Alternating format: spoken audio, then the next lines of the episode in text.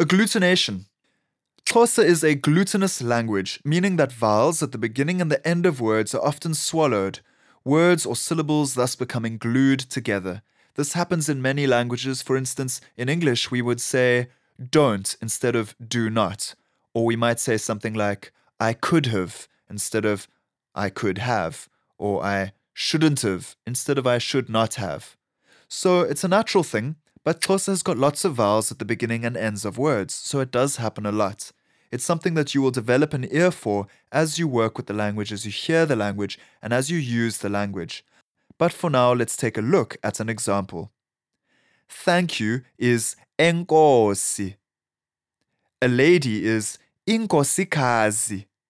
But I'm pronouncing them clearly and as they are written. There's nothing wrong with that, but in the spoken language they would sound more like this. Thank you, enkos. A lady or lady, nkoskas. So let's hear the difference again. Thank you, lady, if I pronounce it as it is written. Enkosi, inkosikazi. Nothing wrong with that, but this is how it would usually sound. Thank you, lady. Enkos nkoskas. Again, don't stress about this. It will develop as your ear and your tongue develop in Xhosa.